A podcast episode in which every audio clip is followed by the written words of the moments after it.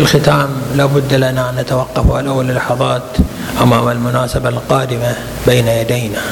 نحن على بعد أيام معدودة يومين أو ثلاثة أيام من ذكرى الحادثة المأساة العظمى لما جرى على أهل بيت النبوة والرسالة. الإمام الحسين صلوات الله وسلامه عليه وأهل بيته الأطهار عليهم الصلاة والسلام أكدوا على حقائق الدين ومعاني الدين. ليس بالكلام وليس بالنصائح وليس بالبيان وإنما بما قدموه من تضحيات بما قدموه من عطاء. ونحن في كل عام يا أحباب الإمام الحسين يا موالون لمدرسة أهل البيت عليه الصلاة والسلام في كل عام أنتم تعيدون هذه الذكرى وتحيونها في أنفسكم وفي مجتمعكم وفي عوائلكم فأي درس تريدونه من هذه المدرسة؟ ماذا تريدون من إحياء هذه المآتم؟ ماذا تريدون من إقامة هذه المآتم؟ هل هي مجرد ظاهرة تسيرون عليها من الآباء إلى الأبناء؟ هل هي مسألة تمر علينا بمعناها العاطفي والتأثري النفسي دون أن تغوص في أعماقنا؟ يجب علينا أيها الأخوة أن نقدم على مآتم الإمام الحسين عليه الصلاة والسلام ونتهيأ لها كما نتهيأ لصلاة الليل كما نتهيأ لأداء الفرائض كما نتهيأ للحج كما نتهيأ للعبادات بكل أنواعها. هذا نوع من الطاعة.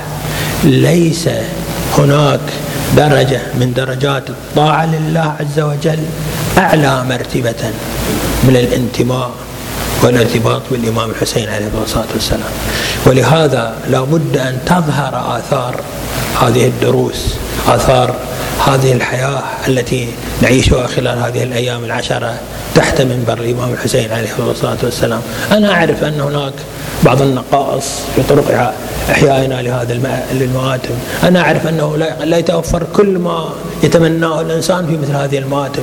ولكنها ولو بأقل درجة هي درجة إحياء ذكرى الإمام الحسين وآل الحسين وما جرى على الإمام الحسين عليه الصلاة والسلام.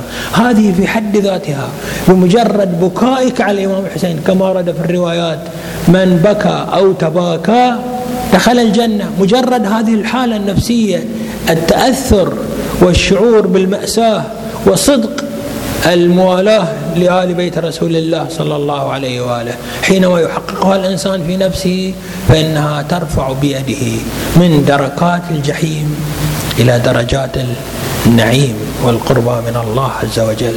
فمن المفترض علينا يا أخواني يا أبنائي أن نحيي هذه الذكرى بروح العبادة لله عز وجل. الإحياء لأمر الله عز وجل. ولهذا يجب أن تكون حياتنا بعد عاشوراء.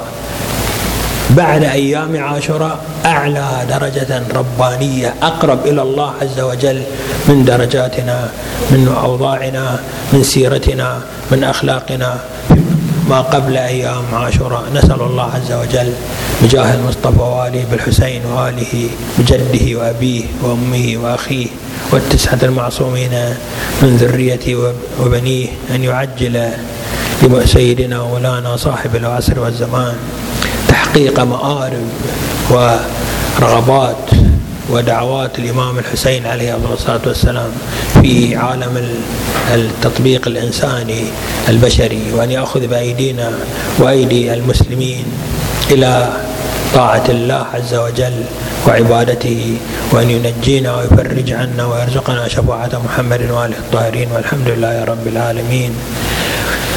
وصلى الله على محمد وآله الطيبين الطاهرين.